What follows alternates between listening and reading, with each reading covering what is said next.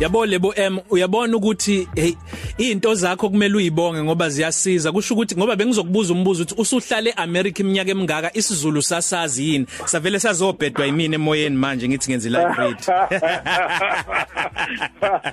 Ah yabonga so that's a good punchline. Using relaxes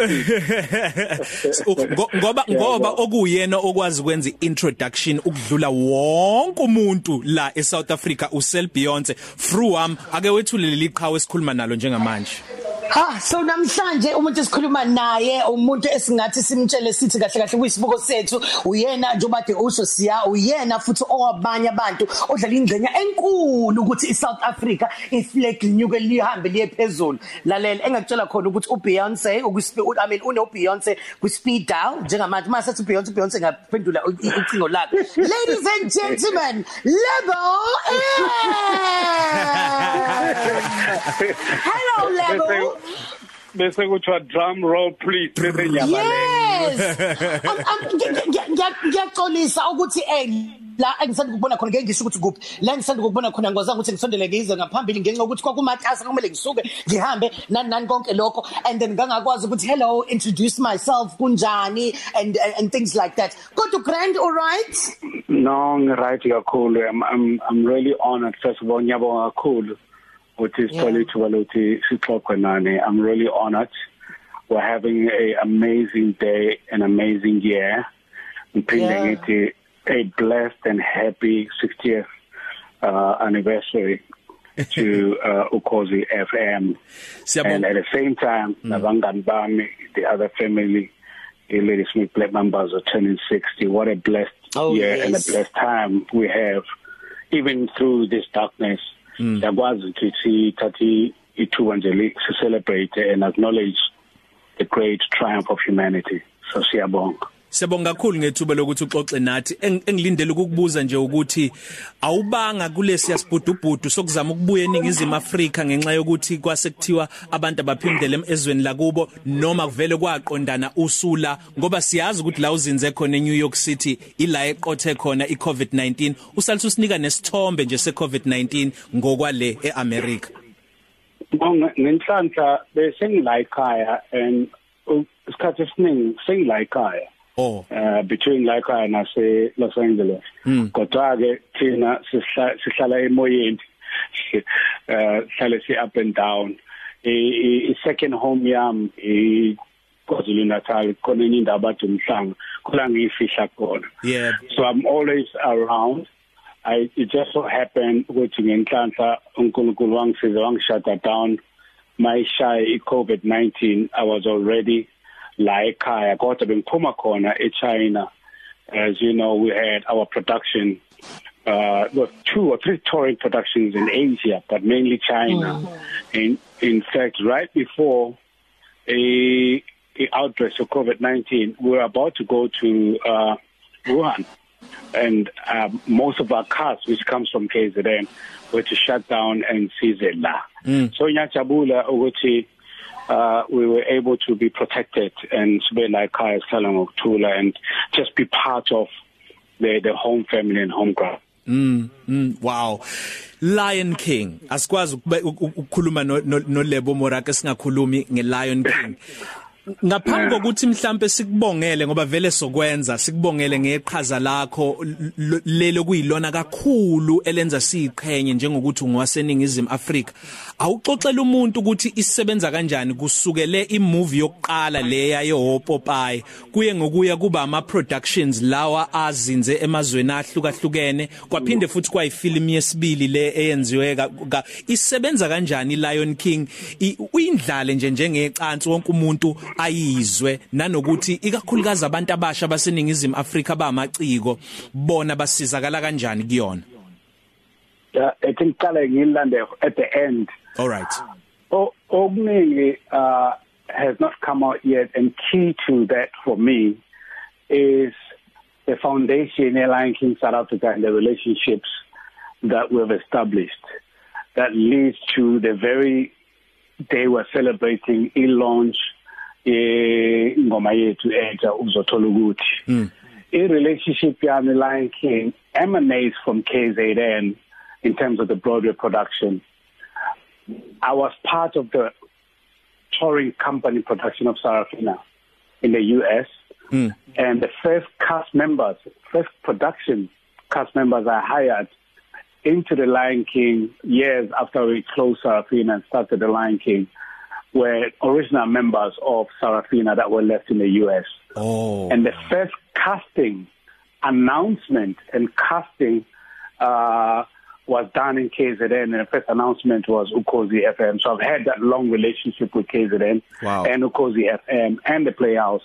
As a result, we've hired more people from KZN than the entire continent. Mm. Over 60% of our cast members around the world are from KZN. So the fact that I'm lucky enough and blessed to be talking to you, Manje, on radio, announcing and now celebrating gratefully the graciousness of your audience and people that have accepted our song and collaboration uzothola ukuthi is quite a blessing uh to me. So ngiyabonga kakhulu ngijabulile kakhulu. Now in terms of the production the movie uh of which I was one of the four principal composers of the music myself Hans Zimmer Elton John and Tim Rice was my seventh or eighth movie at that time and it came out in 1994 after that uh Disney produced and created a Broadway show. The first one was in New York which has been there now about 22 years uh running. And then we had the London one that's about 23 we've had in the last more than 20 years more than four productions fully sold out around the world of the Lion King Broadway show mm. and more than 19 I'm sorry more than 9 productions touring around the world all the way to when I brought and produced the Lion King South Africa so we, we we've had quite a journey and we're grateful Ake ngichazele umlaleli eh, lebo M nje kafushane ngoba ngiyazi ukuthi uyamazisa njengoba kade ubalula indaba ka KZN nalesi station okusebenza kwakho naso. Usichazele nje ukuthi iproduction yokuqala eyaba emva kwemovie ila khona okwasala khona abantu ababe actor kuyisarafina bezinze phesheya kwilwandle ibona ke laba basala ba actor noma badlala kuyishashalazi emva kwalokho ubusufaka waba ngabanye babantu abane eh, ababhekelele umculo we Lion King okuthe futhi ke nasabalalisa ama production eshashalazi ayisishiyagalolunye umhlaba wonke jikelele kuleminyaka engaphezulu kweminyaka engamashumi amabili niyaqhubeka. Kanti mhlaniqala ukuthi nizolanda amacike Lion King manibuya nizowalanda ekhaya kwakuse Durban Playhouse niqhubeke yonke leminyaka u60% walabo bantu beqhamuka eKwaZulu Natal. Lobudlelwano obuhle nobumnandi kuwena iTheki KwaZulu Natal nomsakazo ukhozi FM buza wefruku umuntu ono Hans Zimmer kwi speed dial sakhe Absolutely. Ngakhohlwa ke I can't hear you. Hello? No, ungaqhubeka ungaqhubeka. Yeah.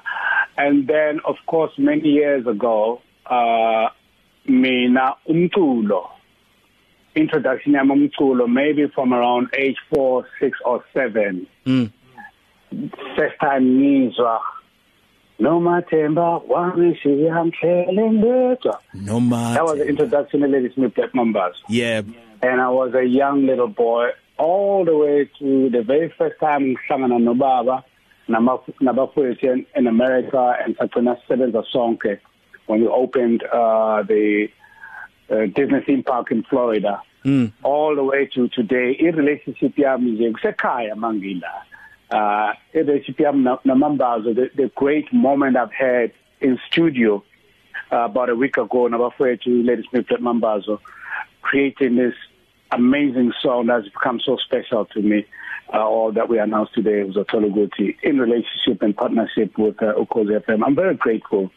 Uh the leadership that basically dragged me to uh that was early this year oh Sisi oh uh Ngobo and my partner Osibo Mhlungu have really driven us and guided us through this beautiful process all the way to today so I don't know what else to say except uh I'm really lucky I'm very grateful mm. and I'm surrounded by amazing talent and ngiyabonga kakhulu ukuthi siyakwazi ukuthi nathi njengoba kumzima kunzima kangaka emhlabeni sikwazi ukuthi sifake ingoma ezokwazi ukuthi ithuthuze abantu kube kube right nje. And inspire people and just uh, say don't give up. Uh uyothola ukuthi ucabanga ukuthi kunzima emhlabeni kanti going through this darkness there's a much bigger a light at the end of it all. Mm. mm.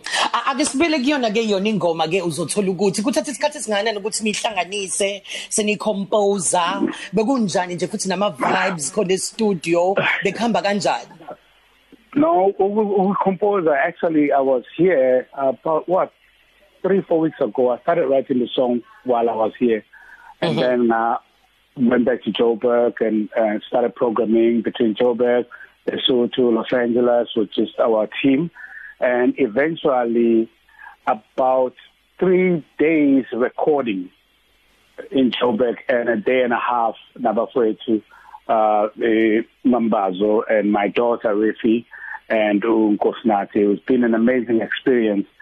Just how the song evolved in Gomanje is so naturally inspired mostly by the the the spirit of humanity uh mm. and it didn't take that long normally it takes a good 2 to 3 months mm. to really get inside this kind of a song Kodwa lena we, we don't call it a song we call it a blessing we're just a vehicle used through art and music to to transport a inspiration and a, a emotional blessing so that people can be inspired and don't remain in the dark. Ngalesi sikhathi ke lebu emngivumele ngethule ilungu layo Lady Smith Black Mambazo umnumzana usibongiseni Shabalala ukuthi ke ke sixoxeke manje sekungazi ukuthi sise studio nomlaleli lalele ngaphambi kokuthi ngibingelele donga lika Mavuso abalaleli sebengakwazi manje ngaphambi kokuthi sidlale ngiyazi sikuyadlala ngisho nakwezinye inhlelo lengoma sebengakwazi manje kuma social media platforms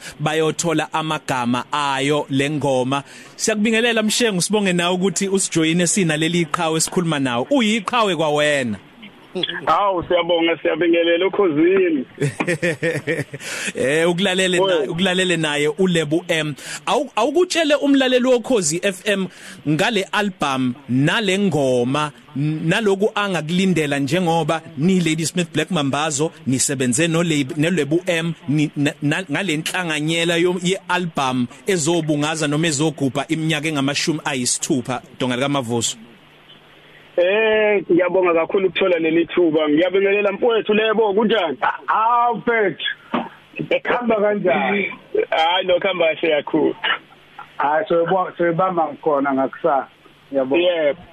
Cha kube umbono omuhle kakhulu eh oqhamukile ukuthi senze ialbum sibungaze ukhozi njoba eh lu celebrate iminyaka ewu60 kanjalo nemambazo i celebrate iminyaka ewu60 so umfowethu ulebo uthe uma iqhamuka neidea yokuthi cha asihlanganise ingoma senze eh ingoma eminandi kanjena aseyibhalile sifike sizolekelela nathi ukuthi sidlulise lo mlayezo omuhle wokuthi kukhona izinto ozenzayo emhlabeni kwesinye isikhathi ungabi ungabi sure ukuthi ziyasebenza noma zinhle kangakanani ozoyibona ekugcineni ukuthi cha uthola ukuthi lokho wawukwenza unganakile eh, uhamba unikela kubantu noma uvuselela abantu ngokomoya ukuthi abayiphathe kanjani kuyakusebenzela ikona sekukuvulela amathuba amahle mm. eh, eh, eh empilweni yakho mm.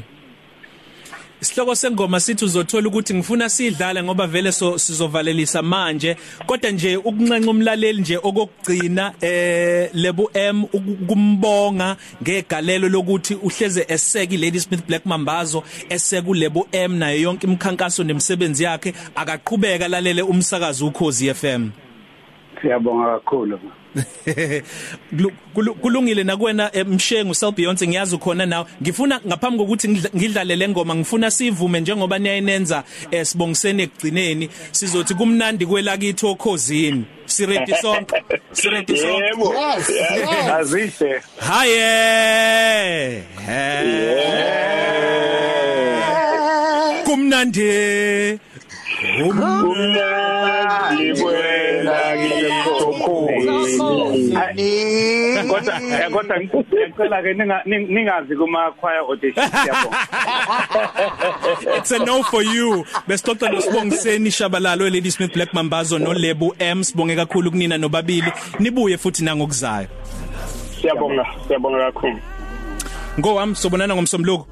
Nomi kanjani ngomsombuluko phesikhathi esifanayo phakathi kwa12 no3 impela sonto hlalani phephani bakithi inkosi yami siyanthanda ulisana nayo ke lengoma hamba yongena ku Twitter @ukhozi_fm ungene futhi na Instagram ungakwazi ukuthi ithi dlala njengoba idlala nje ubuyicula na ulebu M ne Lady Smith Black Mambazo uzothola ukuthi #ukhozifm60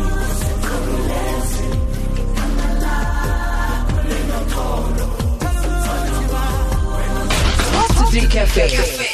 Ilunch yakho ayifani neyizolo.